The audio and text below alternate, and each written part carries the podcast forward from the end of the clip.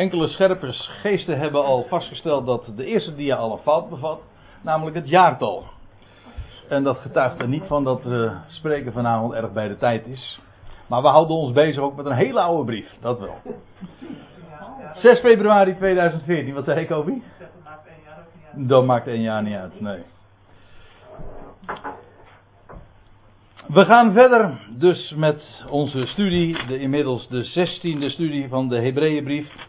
En we waren de vorige keer inmiddels aangeland in het negende hoofdstuk. Waar de schrijver een, een opsomming geeft over de attributen in de tabernakel en de indeling en waarom dat zo was. Hij geeft dat zo in het kort allemaal aan. En toen waren we uiteindelijk gebleven bij vers 5. En misschien is het goed om daar weer even de draad op te pakken. Want in zijn beschrijving van het heiligdom gaat hij van buiten naar binnen. Dat wil zeggen, hij komt eerst in die eerste tent, in dat heilige. En vervolgens passeert hij het voorhangsel en komt hij uh, in het heilige der heiligen, waar de ark van het verbond was. En daarover lezen we in vers 4. En in die ark waren de gouden kruik met het manna staat daar. De staf van Aaron die gebloeid had en de tafelen des verbonds. Die twee stenen tafelen. En dan staat er in vers 5. Uh, daarover kunnen, uh, daarboven waren de, oh ja, precies, daarboven waren de, de gerubs der heerlijkheid. Dat wil zeggen, uh, die het verzoendeksel overschaduwen. Nu ineens zie ik dat, dat, dat die tekst niet meer goed zichtbaar is. Moeilijk. Oh. Ja, dat is. Kan ingesteld worden. Een reden om even uw, goed uw Bijbeltje erbij te houden dan. Als u het niet goed kan lezen. We hadden het dus over, de, over die ark van het verbond. Daarboven waren de gerubs der heerlijkheid. Die het verzoendeksel overschaduwden. En Daarover hebben we wel het een en ander gezegd. Meer dan de schrijver de gelegenheid daarvoor neemt. Want over de betekenis van die dingen, daarvan zegt hij. Hierover kunnen wij nu niet in bijzonderheden treden. Hij had zoveel te melden dat hij op deze details niet te veel wilde ingaan. Wij hebben het de vorige keer wel iets uitgebreider gedaan. Zodat je toch een beeld hebt, niet alleen maar van wat daar was en hoe dat heiligdom was samengesteld, maar ook over de, de betekenis van, van die attributen. Dan gaat hij in vers 6 en daarmee vangt er inderdaad ook een, een, een nieuw gedeelte aan, min of meer, want het is niet makkelijk om in de Hebreeënbrief, zeker bij bepaalde passages, om het eh, goed in te delen, omdat de grens nogal vloeiend is. Maar in vers 6 gaat hij dan terugblikken en dan zegt hij: Dit was dan al dus ingericht of geconstrueerd. En de priesters die kwamen, of gingen in letterlijk, bij het vervullen van hun diensten voortdurend in de voorste tent. Dat wil zeggen, in het heilige. Daar kwamen zij voortdurend, dat wil zeggen, dagelijks. En wekelijks.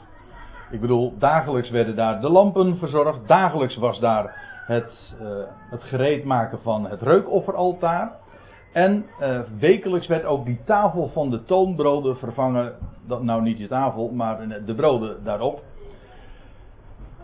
En dat vond allemaal plaats in dat eerste gedeelte van die tent. Met die tweede tent hadden ze niets te maken. Dat was een afgesloten geheel. Weliswaar stond daar geen muur, een voorhangsel, een, een gordijn. Maar daar konden ze niet komen. Daar mocht dat was afgesloten en het hele idee is, wat hier ook naar voren gebracht is, dat die weg van het heiligdom, ik zal straks ook nog uh, ook zo voorlezen, die weg van het heiligdom en in het heiligdom, die was daar nog niet. Althans, die was nog niet manifest. Men kon daar niet zomaar in.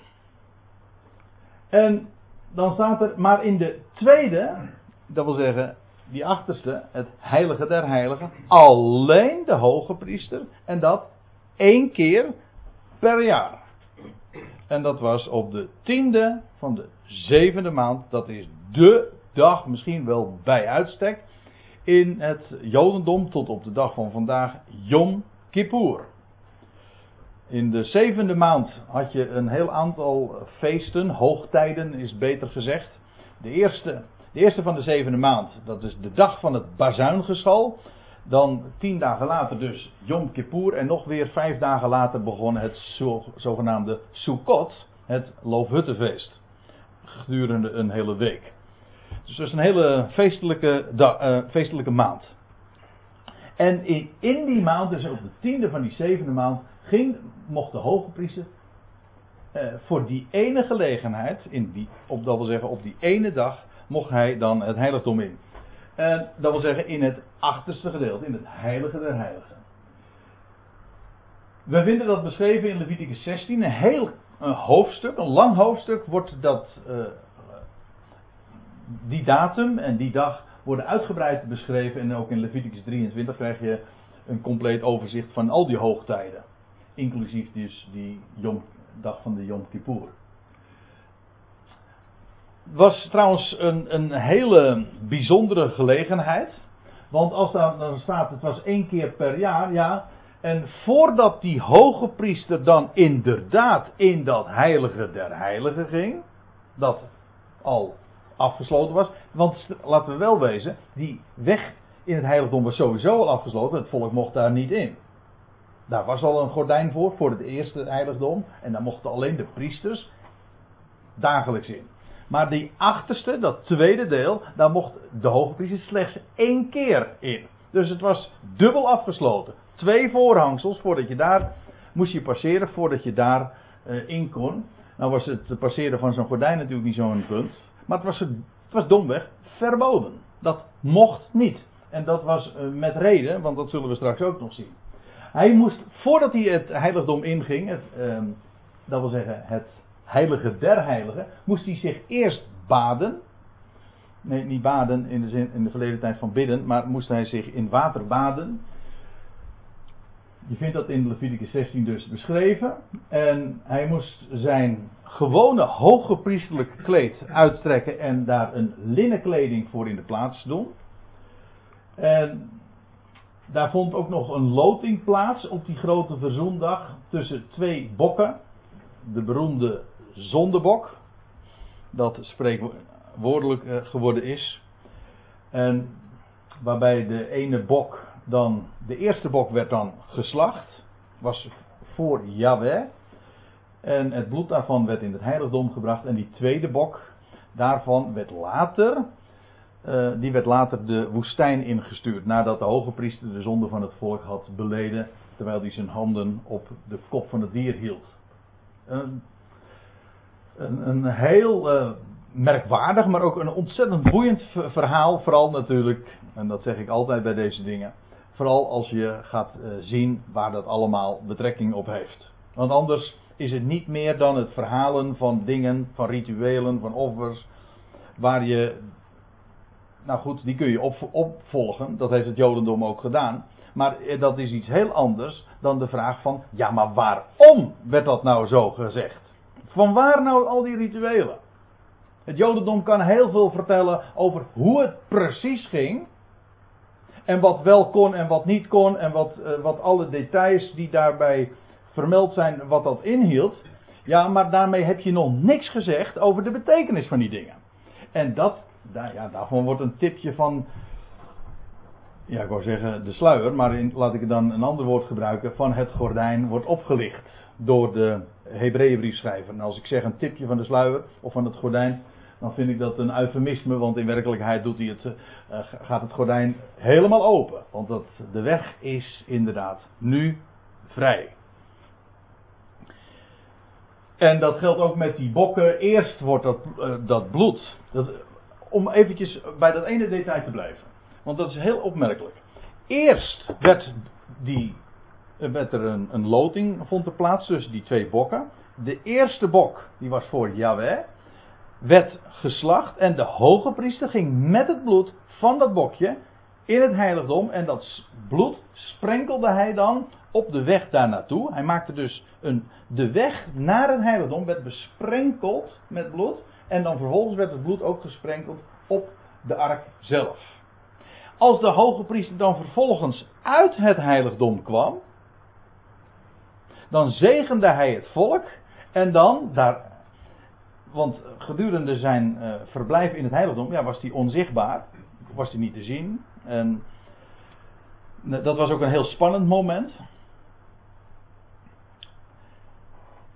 Maar goed, ja, ik, ik zit met bepaalde gedachten nu, maar ik laat het even terzijde. Hij kwam, die hoge priester kwam dus vervolgens weer naar buiten.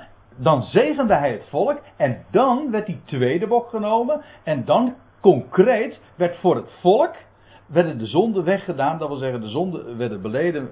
Terwijl die hoge priester de handen op de kop van het dier hield. En, die, en dat dier werd, was voor Azazel, lees je dan. Het ging de woestijn in. Dat was de beroemde zondebok.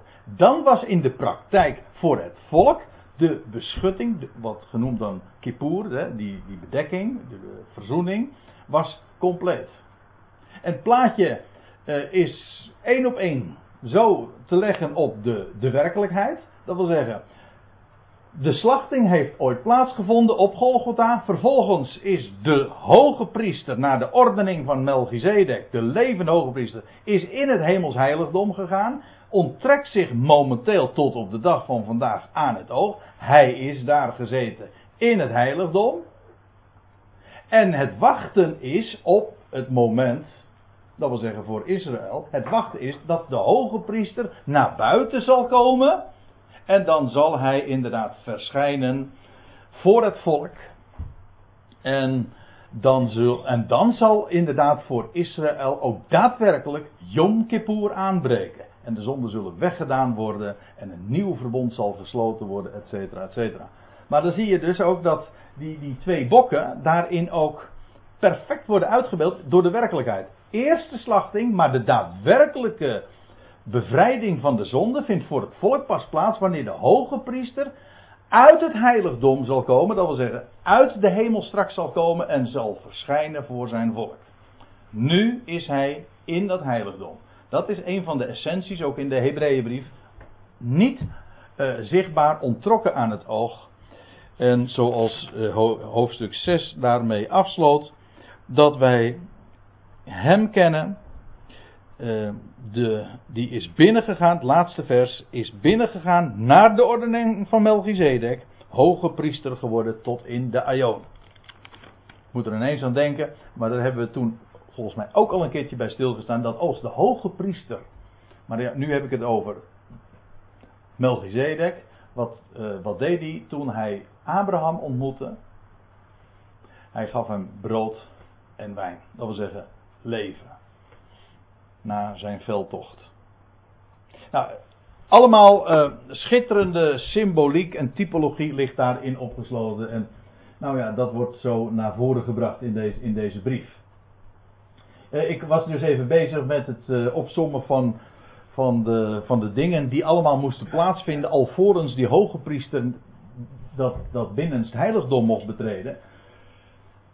En dan vond daar ook nog uh, de bereiding plaats van een stier voor zichzelf en zijn eigen huis. Dat is ook een heel eigenaardig verhaal. Want die hoge priester ging niet alleen maar met het, met het bloed van een bokje naar binnen. Maar hij ging ook met het bloed van een stier binnen. Dat ging trouwens niet allemaal in één keer. Ja, wel op één dag. Maar niet in één keer. Hij ging in totaal drie keer. Ik zal het straks ook nog even laten zien. Naar binnen. Maar ook met het bloed van een stier. Dat was voor zichzelf en voor zijn hele huis. Dus voor het hele volk een bokje.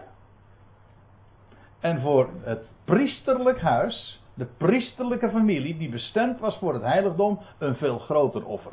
Namelijk een stier. Ja, ik heb er niet zoveel moeite mee om het in te vullen. Want uh, wij, de gedachte in de Hebreeënbrief is dat de schrijver ook naar voren brengt: wij zijn dat huis van de priester. En wij hebben een hoge plaats, de hoogste plaats. Een veel hogere dan die van het volk. En het offer dat voor ons gebracht is, heeft voor ons een zoveel grotere betekenis dan het ooit voor het volk zal krijgen. Maar wellicht dat ik nog eens een keer een speciale studie over deze dag uh, ga geven. Aan de hand van Leviticus 16. Ik heb er een hele mooie datum ook trouwens voor. Ja. Hoe dat uh, precies op onze kalender valt, weet ik niet. Maar in elk geval ongeveer in september moet dat dan zijn. September, oktober.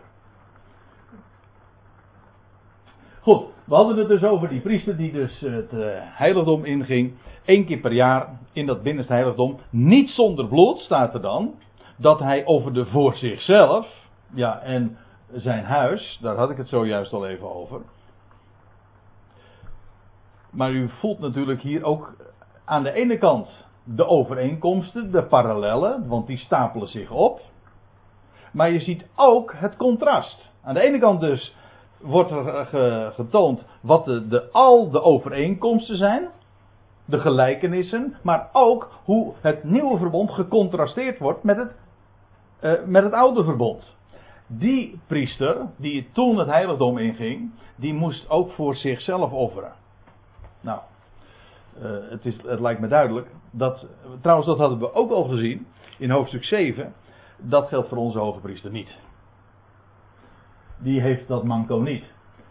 Ja, want. Uh, ja, nou, ik heb hier nog een diaatje. Misschien is het nog even goed om dat uh, dan in dit verband toch even nog naar voren te brengen. Uh, die hoge priester betrad op die dag dat wist u wellicht niet, maar in hoofdstuk 16 kun je dat, uh, van Leviticus kun je dat inderdaad, daar, dat kun je daaruit opmaken. Ging hij drie keer op die dag het heiligdom binnen. Eerst met een wierookvat. En vervolgens, ja, met een wierookvat. Want weet u, dus, dus dat heilige der heiligen was een hele, in de dagen van het oude verbond. Luister, wat ik nu zeg en ook hoe ik het zeg en hoe tekenend het is die, dat heilige der heiligen was in de dagen van het oude verbond een duistere plaats. Dat heilige zelf niet. Dat was continu, dag en nacht, werd dat verlicht door, het, uh, door de kandelaar. Die dagelijks verzorgd werd. Dagelijks werd, uh, werd, dat, uh, werd die olie weer bijgevuld. Dus daar was altijd licht. Maar in het, het heilige der heiligen was in de dagen van het oude verbond een duistere plaats. En als die hoge priester dan bovendien ook nog eens een keer, om, te beginnen, met dat wierook eh, naar binnen ging, dan kun je je voorstellen dat hij helemaal geen nauwelijks meer een hand voor zijn ogen zag. Afijn.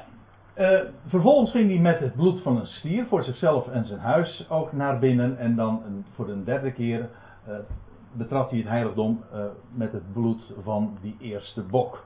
Zoals je dat hier ook op dat plaatje ziet uitgebeeld. In witte kleding, in fijn linnen. Weet u waarom die fijn linnen moesten hebben? Waarom de hoogpriesters linnen uh, moesten dragen? In, in de Mosaïsche wet wordt het niet verteld. Maar in, Levite, in het boek Ezekiel staat het een keer wel. Daar staat er: de priester draagt linnen, want daar zweet hij niet in. eigenlijk alweer een beeld ook van het nieuwe verbond. Want daar. Uh, zweten heeft namelijk te maken met, uh, met werken, met harde arbeid. En die, hoge, die hoge priester draagt wit linnen. Ook nog uiteraard een beeld van reinheid. Ik uh, memoreer het alleen maar even. En vervolgens lezen wij weer verder in het zevende vers. En hij offerde dus voor zichzelf en voor de zonden van het, die door het volk in onwetendheid bedreven waren. Letterlijk staat er daden van onwetendheid. Niet, je hebt dus twee soorten zonden die beschreven worden in het boek Leviticus. Nee, in het, in, in het algemeen, in de Mosaïsche wet. Dan lees je, ja, in de nieuwe vertaling wordt er dan gesproken over opzettelijke zonden. Maar weet u wat er letterlijk staat? In de Statenvertaling staat het ook zo weergegeven. Eh, zondigen met opgeheven hand. Dit met een, met een, gebalde vuist. Je kunt, je kunt het zo voor je, stellen, je voorstellen. Maar het waren, daar waren ook de zonden in onwetendheid bedreven. Dat wil zeggen zonden van onwetendheid. Zonder dat men zich daarvan bewust was. Nou, daar bracht die hoge priester dan de offers voor. En dat moest iedere keer weer opnieuw gebeuren. Waarmee aangegeven is, ook dat wordt in de Hebreeënbrief eh, zo duidelijk naar voren gebracht. Het feit dat dat voortdurend herhaald werd, geeft aan dat het dus nooit tot de volmaaktheid leidde. De herhaling is het beste bewijs dat het dus maar uh, zeer tijdelijk werk was. En er komt zelfs bij, in de hoofdstuk 10 zullen we zelfs zien, dat het bloed van stieren en bokken nimmer in staat is de zonde te van zonde te reinigen. Dat kan ook niet. Het is er, wat er gebeurt is dat het een beeld is van de reiniging die ooit zou gaan plaatsvinden. Maar in zichzelf, geldt, dat geldt voor al die rituelen, in zichzelf is niks. De betekenis zit hem puur in dat wat het uitbeeldt en waar het naar verwijst. En nou, de, het eerste deel van het achtste vers vind ik dat wel heel mooi onder, onderstrepen. Daarmee gaf de Heilige Geest te kennen. Gods Geest, heilig, gaf daar, had daar een, een, eh, een bedoeling mee. Hij maakte daar mee iets duidelijk, iets evident. Waarmee gezegd is dat die dat al die rituelen een goddelijke oorsprong hebben. Dat, dat uh, kan ook niet missen. Als je dat in het Oude Testament leest, dan zeg je, dan, dat verzint geen mens. Dat zou je niet zo doen. Al die bepalingen. Het kan alleen maar zijn dat dat een diepere betekenis heeft. Het heeft geen, geen nut aan zich. Nee, het, heeft, het verwijst ergens naar. De Heilige Geest gaf daarin iets te kennen. Je leest van de profetie in, in, het, in, het, in de brief van Petrus. Dat hij zegt: Nooit is profetie voortgekomen uit de wil van de mens, maar door de Heilige Geest gedreven hebben mensen van Gods wegen gesproken. Dat lijkt me nogal duidelijk, want profeteren, dat wil zeggen profeteren, betekent voorzeggen. Voorzeggen kan geen mens. Zelfs niet een expert kan nog niet eens zeggen wat het, wat het morgen gaat worden. Ik bedoel, een expert op het gebied van het weer kan hooguit een vermoeden uitspreken, meer niet. Voorzeggen is goddelijk werk. God voorspelt niet, dat is wat astrologen en andere wiggelaars doen. God voorzegt bij monden van zijn profeten. En dat is goddelijk werk. Maar niet alleen profetie is, is, komt uit Gods geest voort. Het is ook uh, al die, alles wat uh, aan rituelen gegeven is. En die hele tabernakeldienst en alles wat daarmee verband houdt. Dat is, bevindt zijn bron in de Heilige Geest. In Gods geest. Zodat het ook op voorhand al zo vanzelfsprekend is dat elk detail een goddelijke betekenis moet hebben. En daarin worden we ook inderdaad bij voortduring bevestigd. De Heilige Geest gaf met dit alles, wat zojuist nou eh, aangestipt is door de schrijver, gaf daarmee iets te kennen. En wat gaf hij daarmee te kennen? Wel dat de weg naar het heiligdom, of letterlijk van, van het heiligdom, en ik moet eigenlijk nog sterker zeggen, iedere keer als je dat woord heiligdom dan leest in deze hoofdstukken, staat het in meervoud. Heiligdommen. Of heiligen eventueel.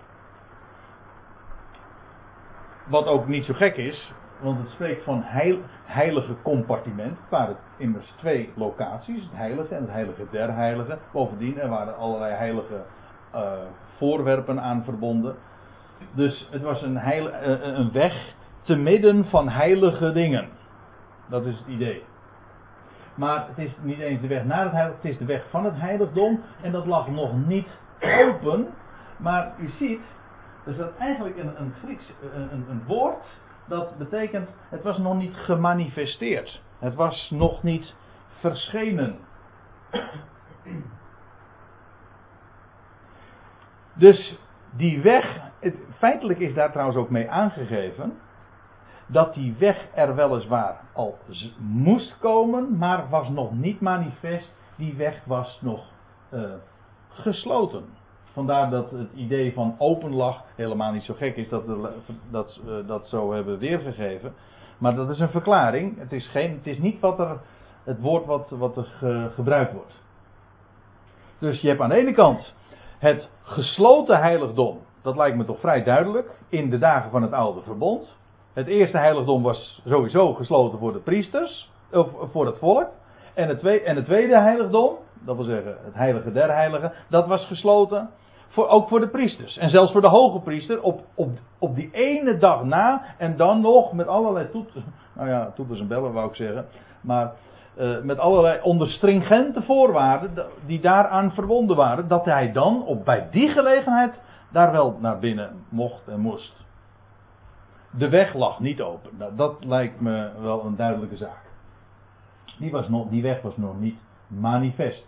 Duurt trouwens nog een heel tijdje voordat we ertoe komen, maar u ziet de verwijzing hier naar hoofdstuk 10, vers 19 en 20, dat de schrijver al aan, waar de schrijver uh, breed gaat uitmeten, dat die weg nu ook voor ons open is. Niet in, de, in de oude aardse tabernakel, maar in het ware hemelse heiligdom.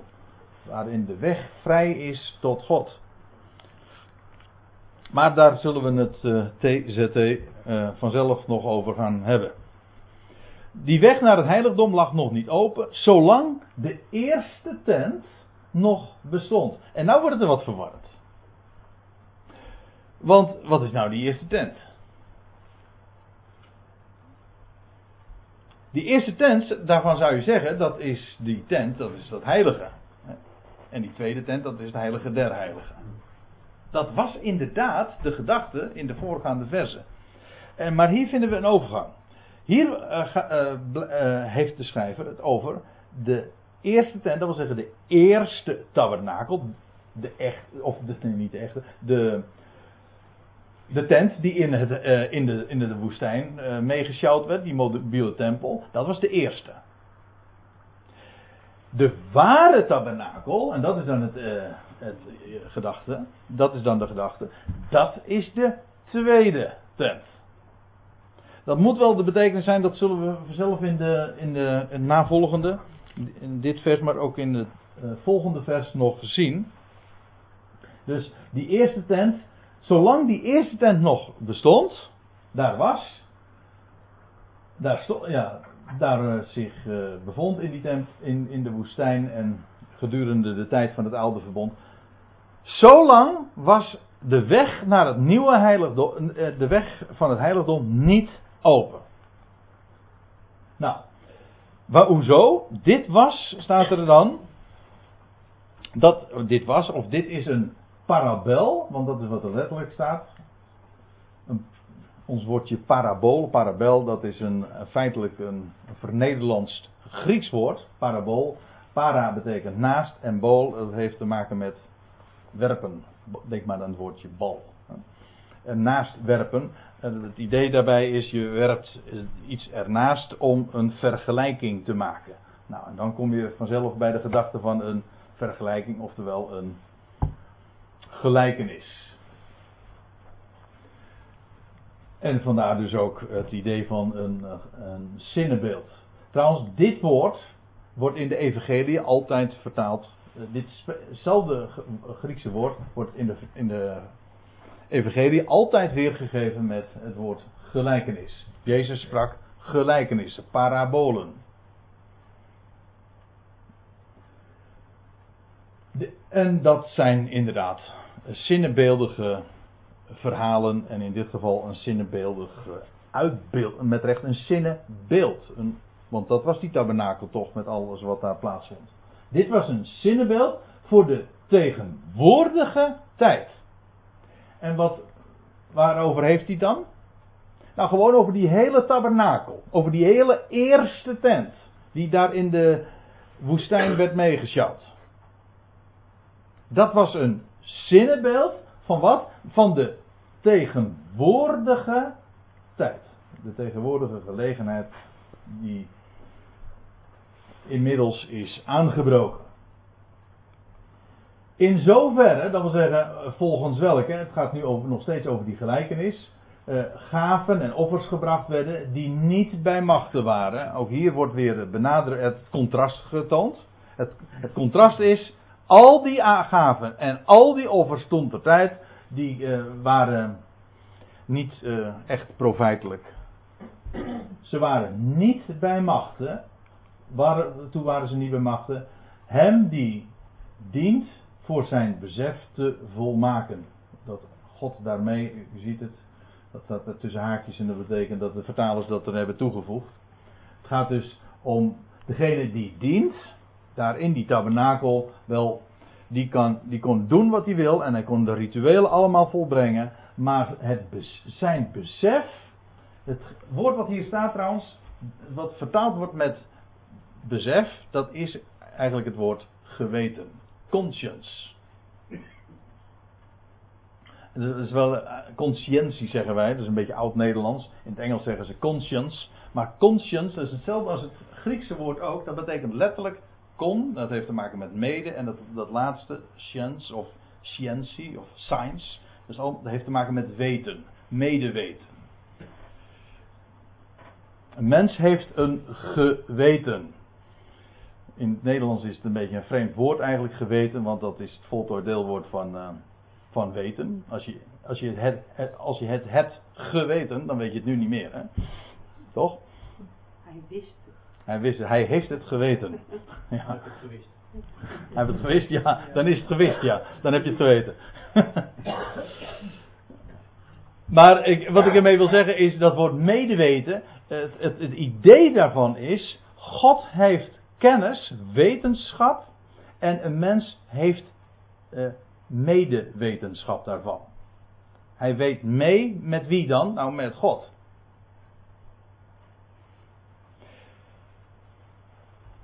Ook de apostel Paulus spreekt erover in Romeinen 2. Maar dat woord, het wordt hier weer gegeven met besef, maar het is inderdaad dat geweten. Dat geweten kon, kon niet volmaakt worden. Dat hele, het punt is namelijk dat het oude verbond dat was, waren alleen maar vleeselijke handelingen. We zullen, we zullen dat ook in het navolgende vers uh, zien. Maar uh, één ding is, moet duidelijk zijn: het geweten van een mens kon het niet uh, volmaken.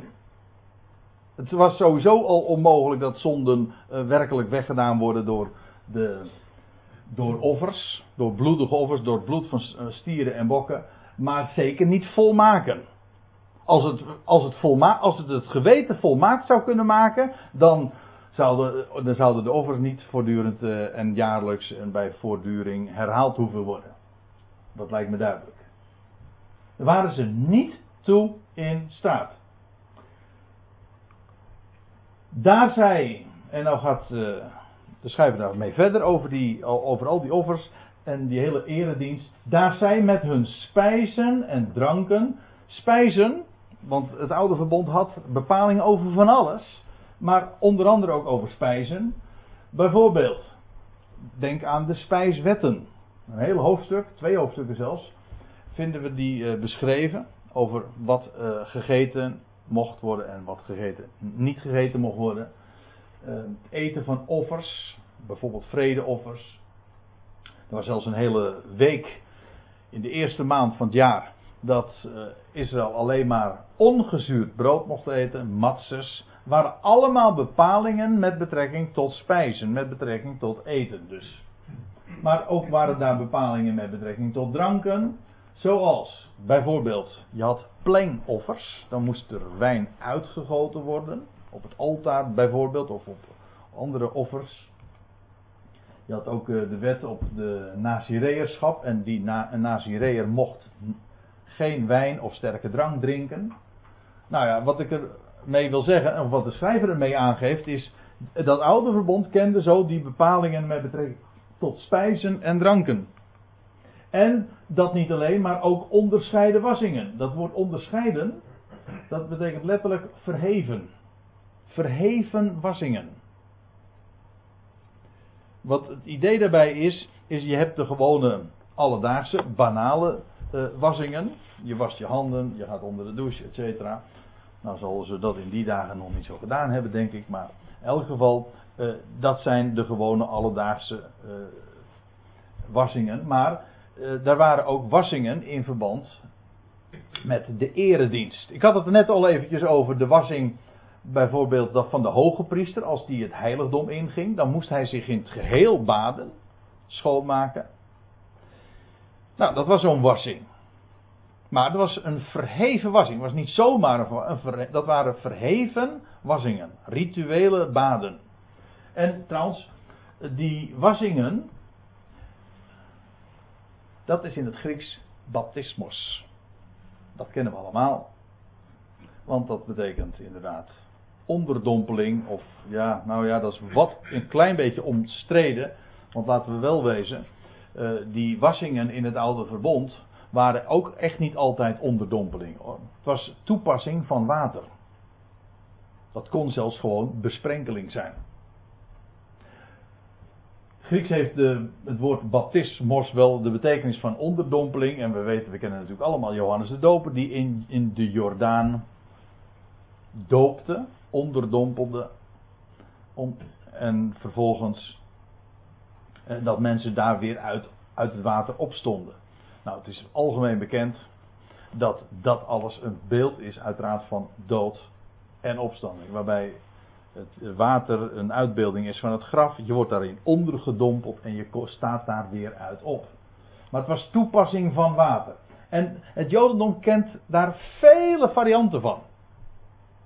De doop, ik bedoel de waterdoop, daarvan wordt gezegd dat is een christelijk embleem, maar dat kunt u wel vergeten, dat is niet waar. Het is een Joods embleem. We hebben het trouwens al veel eerder gezien in de brief. In hoofdstuk 6, vers 2 zagen we dat, het, dat die een leer van dopen. En dat is meervoud van doop. Het is niet het werkwoord doop, maar, maar het gaat over. Het, het is meervoud van doop. Uh, dus allerlei soorten van wassingen, onderdompelingen. Dat was, hoorde tot het fundament van uh, de, de, tot het, de eerste beginselen van het onderwijs. Dat wil zeggen van de Tenach. Wat een Jood is. Bekering tot God. En een van de dingen die tot het ABC, tot de eerste beginselen, tot de elementen, elementaire beginselen hoorden van uh, dat wat een Jood wist, dat was een leer, het onderwijs aangaande dopen. Wassingen. En uh, doop in water is daarmee echt typisch ook een bepaling die verband houdt met het oude verbond.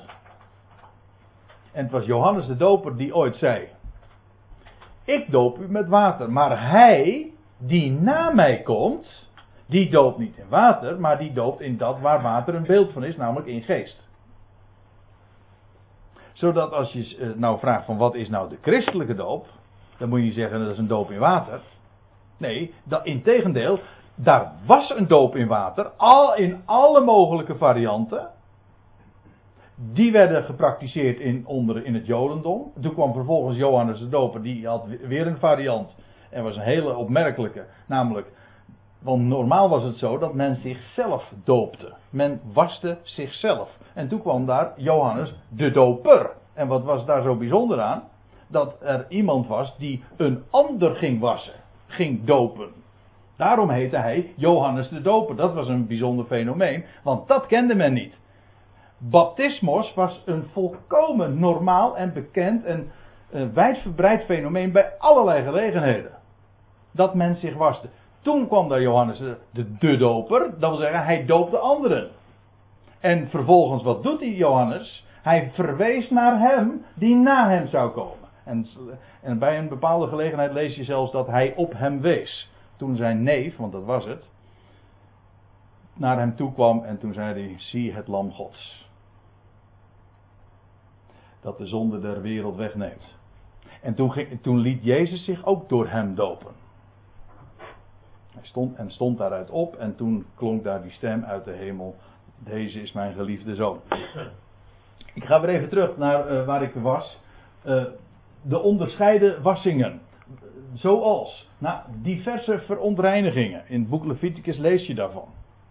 Bij vloeien, uh, naar de menstruatie, maar ook, nou ja, u, leest erover in, in, in het boek ja, Leviticus met name, dat daar allerlei voorschriften ook over worden gegeven.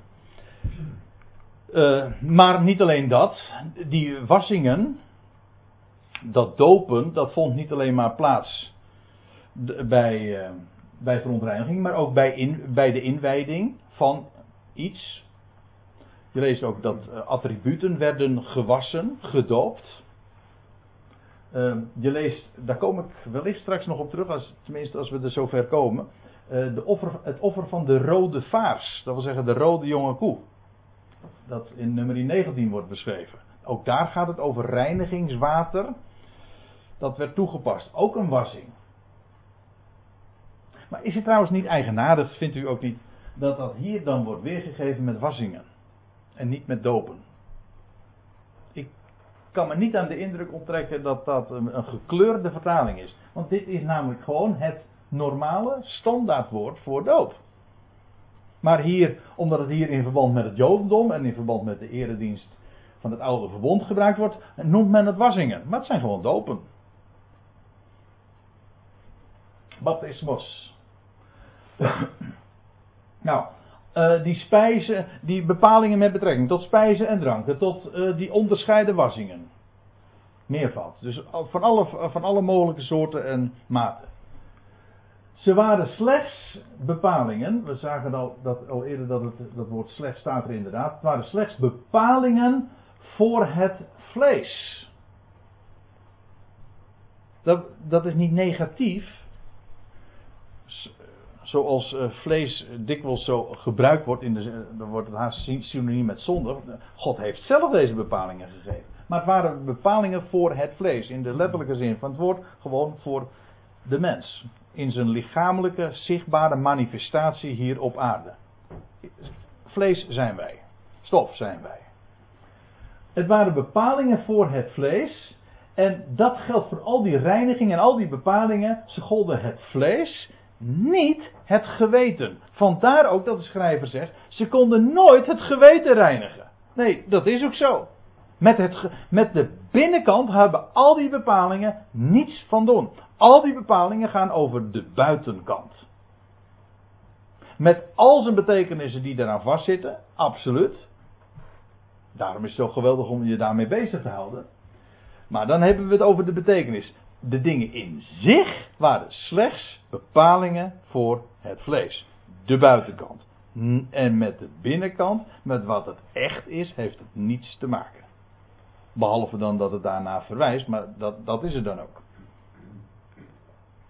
En ze waren opgelegd, precies wat de schrijver ook zegt, ze waren opgelegd tot de tijd van het herstel. Dat wil zeggen, al die bepalingen hadden een tijdelijke functie.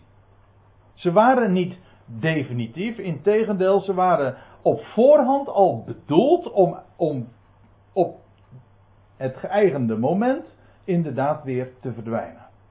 Dan hadden ze namelijk hun, schaduwwerking gehad en vervolgens was de werkelijkheid daar gekomen. Opgelegd tot de tijd staat hier dan van het herstel. Van het, letterlijk staat er zo'n woord als, ja, in de concurrent version wordt het weergegeven met reformation. Maar het is eigenlijk rechtzettend. Het heeft te maken met, uh, ja, ja, precies wat rechtzetten is. Uh, en hier in dit verband, met, als we net Hebreeën uh, 8 hebben besproken, lijkt het me niet zo moeilijk om ook vast te stellen dat het te maken heeft met de tijd van het nieuwe verbond. Dat zou aanbreken. Wat ook voorzegd was. God had een oud verbond met wetten daaraan verbonden. En maar God had toen al, heeft onder het oude verbond al geprofiteerd. dat er een nieuw verbond gesloten zou worden. En waarbij, en al die zaken die nu besproken zijn, wel, ze waren opgelegd tot de tijd van het herstel dat alles rechtgezet zou worden en ook aan alles, let op, recht gedaan zou worden. Dat wat voorzegd was, dat was wat uitgebeeld was, ook in al die rituelen, die in zichzelf dus helemaal geen enkel nut hadden, maar als daar recht aan gedaan zou worden, dat wil zeggen dat al die typen realiteit zouden worden, wel, dan wordt dat is rechtzetting. Recht, ook recht gedaan worden. Dat is die tijd die zou aanbreken bij de komst van hem, ja, waar het hele, hele oude verbond van uh, over gaat, namelijk de Mashiach, de Christus. Nou, dan komen we nu in vers 11 en in mijn Bijbeltje begint er dan een, een, nieuwe een nieuw gedeelte. Er staat ook trouwens boven de nieuwe ordening. Dus het lijkt mij een mooie aanknopingspunt om straks dan daarmee verder te gaan. En dat we nu eerst dan even gaan pauzeren.